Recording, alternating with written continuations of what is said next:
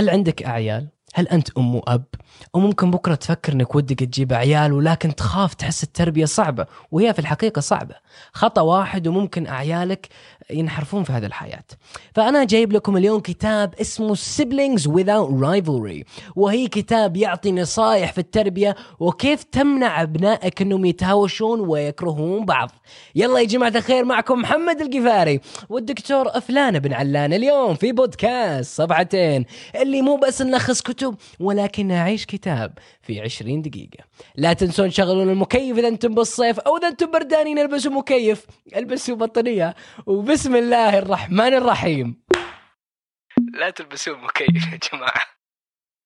كاري فلاتلي تقول معلومة عجيبة وهي تقول إنه عامل كبير لكيف الأخوات والأخوان ينظرون لبعض هو على الأب والأم. وكذلك كيف يتعاملون مع بعض؟ يعني إذا تهاوشوا أو تحبوا ولعبوا مع بعض كذلك لها تأثير كبير من تصرفات الأب والأم. تقول المؤلف إنه أحيانا الأب والأم بدون ما يدرون وبدون ما يقصدونه طبعا يسوون أشياء تضغط على العلاقة بين الأخوات والأخوان. فهذا الكتاب اللي جبناه Siblings Without Rivalry يتكلم عن بعض الأشياء الآباء والأمهات يقدر يسوون حتى عشان ما يصنعون بيئة مؤهلة للعلاقة الضعيفة بين الأبناء. أول شيء تبدأ فيه المؤلفة كاري تقول إنه لا تقارن أبنائك لا تقارنهم حتى لو كان إيجابي يعني إيجابي أو سلبي. يعني مثال بعض الناس يقول أوه أنا بنتي هذه ممتازة في الرياضيات ذكيه وابني هذا رياضي جدا. تقول وش المشكلة هنا؟ في هذه الحالة أنت قارنتهم. أنت تقول طيب شو المشكلة؟ أنا أنا قاعد الحين قاعد أقول مميزاتهم. ولكن أحيانا انت تصنع بيئة يشعرون بالنقص. إذا ما حققوا هذا المسمى اللي أعطيته. يعني أنت قلت ما شاء الله ابني ذكي دائما في الرياضيات. وبكرة يروح يجيب امتحان في الرياضيات النتيجه مو ذيك الزينة. ممكن جيده بس مو بأخيال اللي هو يبي. فالحين في ذيك الساعة يبدأ يشعر بالنقص. وأحيانا في القلق داخليا. أحيانا في العقل الباطن كذلك مو في العقل الواعي. لأنه يحس إنه أهله يستنقصونه أو ينظرونه بنظرة سلبية. لأنه ما حقق الوصفه اللي هم وصفوهم سابقا. ويمكن أنت كأب وام يعني ما ما تحس بهذا الشيء. لكن المؤلفة كري تكون أحيانا الابناء يشعرون بهذا الشيء حتى لو ما كانوا يدرون. والمقارنات السلبية يعني تقول يا فلانة أو فلان وراك ما تصير زي بنت الجيران ولد عمي. واحيانا تقارن أبنائك مع بعض. يبدأ اللي يقارن به يعني مثلا أنت قلت يا فلان وراك ما تصير زي ذاك ولد عمك.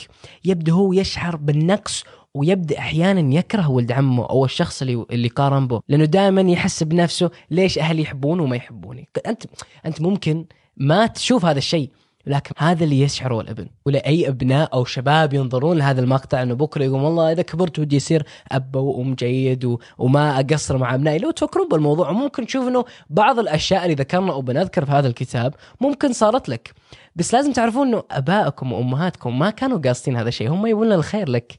فكذا ليش الواحد يقدر يثقف نفسه حتى عشان بعدين يقدر يقدم أفضل ما عنده لأبنائه. النقطة الثانية جابت المؤلفة تقول إنك أنت أحيانا ما تعامل كل أبنائك سواء. ممكن تحس بهذا الشيء ولكن في الواقع أبنائك يعتقدون شيء ثاني. يعني طبيعي لي كأي واحد في هذا الكون أكيد أنه فكر هل أنا المفضل أو المفضلة عند أمي أو عند أبوي؟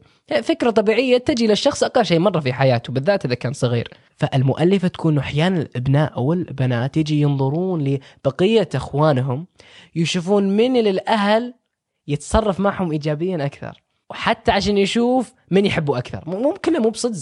ممكن يتوهمها ولكن هذا هذا سبحان الله طبيعة الأطفال.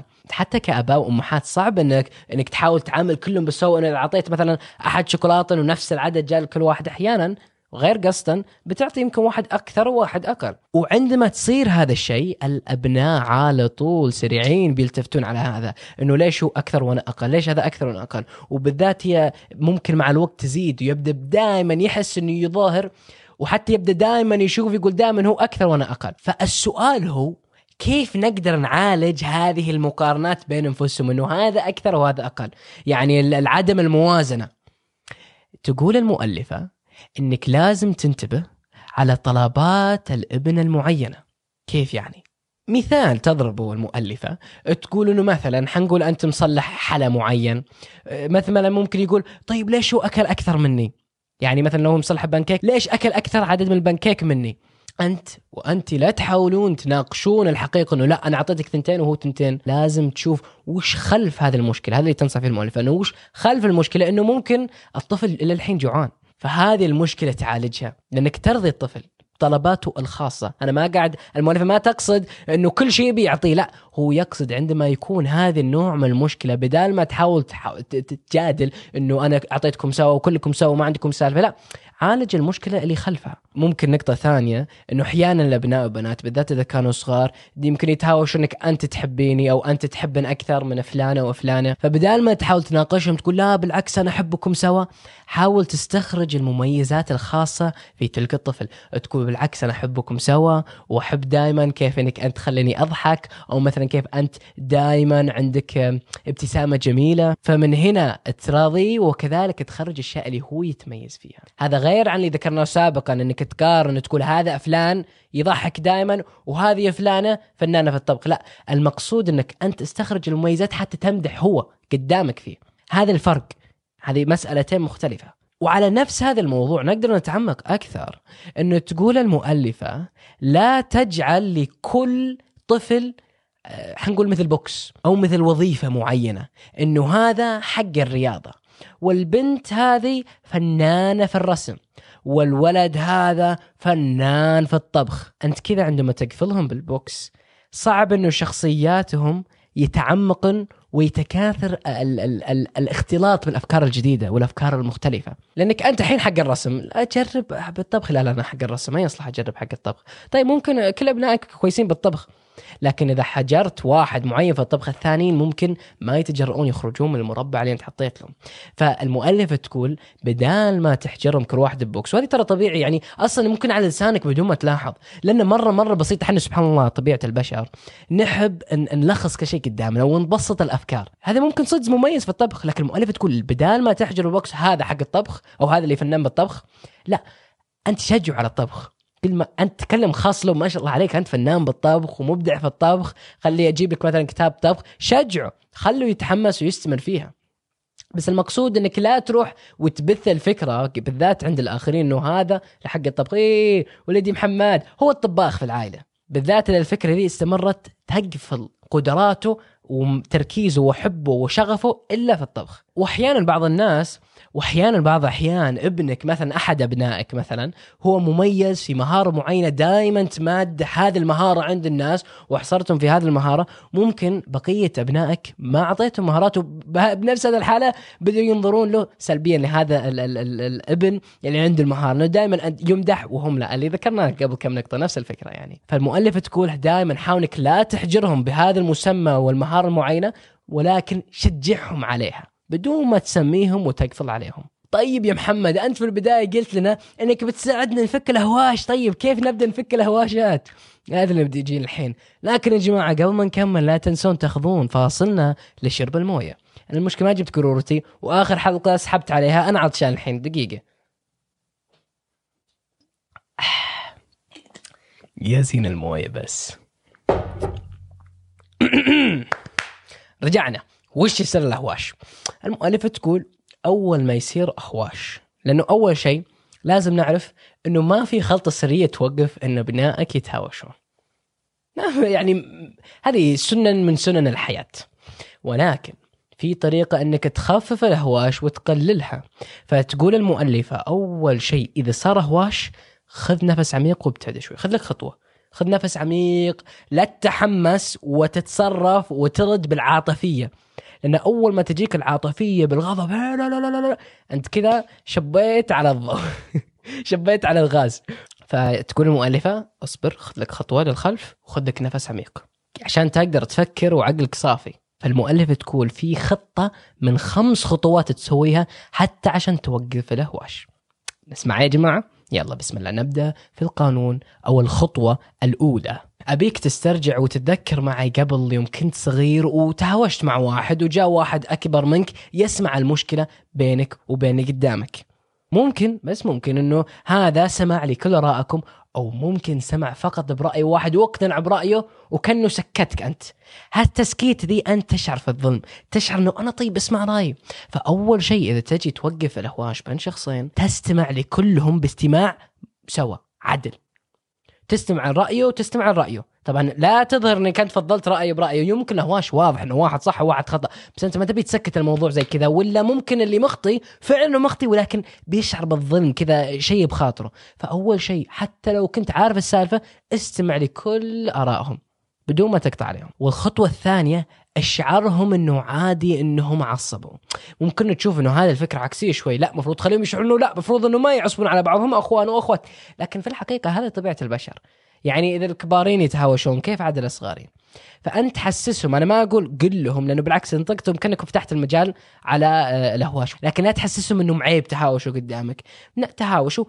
شعرهم وطبعا تشعرهم كيف بطريقة تصرفاتك وأسلوبك إنك ما تكون معصب يوم تجي تكلمهم. لا استمع لهم بعدل. فهذه أول خطوتين. الخطوة الثالثة حسسهم إن المشكلة بينهم لها قيمة. يعني لا تستصغر المشكلة بينهم. ممكن قاعد يتهاوشون على شوكولاتة. ممكن يتهاوشون على شيء تافه بالنسبة لك. لكن بالنسبة لهم هذا عالمهم. هذا عالمهم كأنك سرق منك أحد مليون ريال. الشوكولاتة دي قيمتها مليون بالنسبة لهم.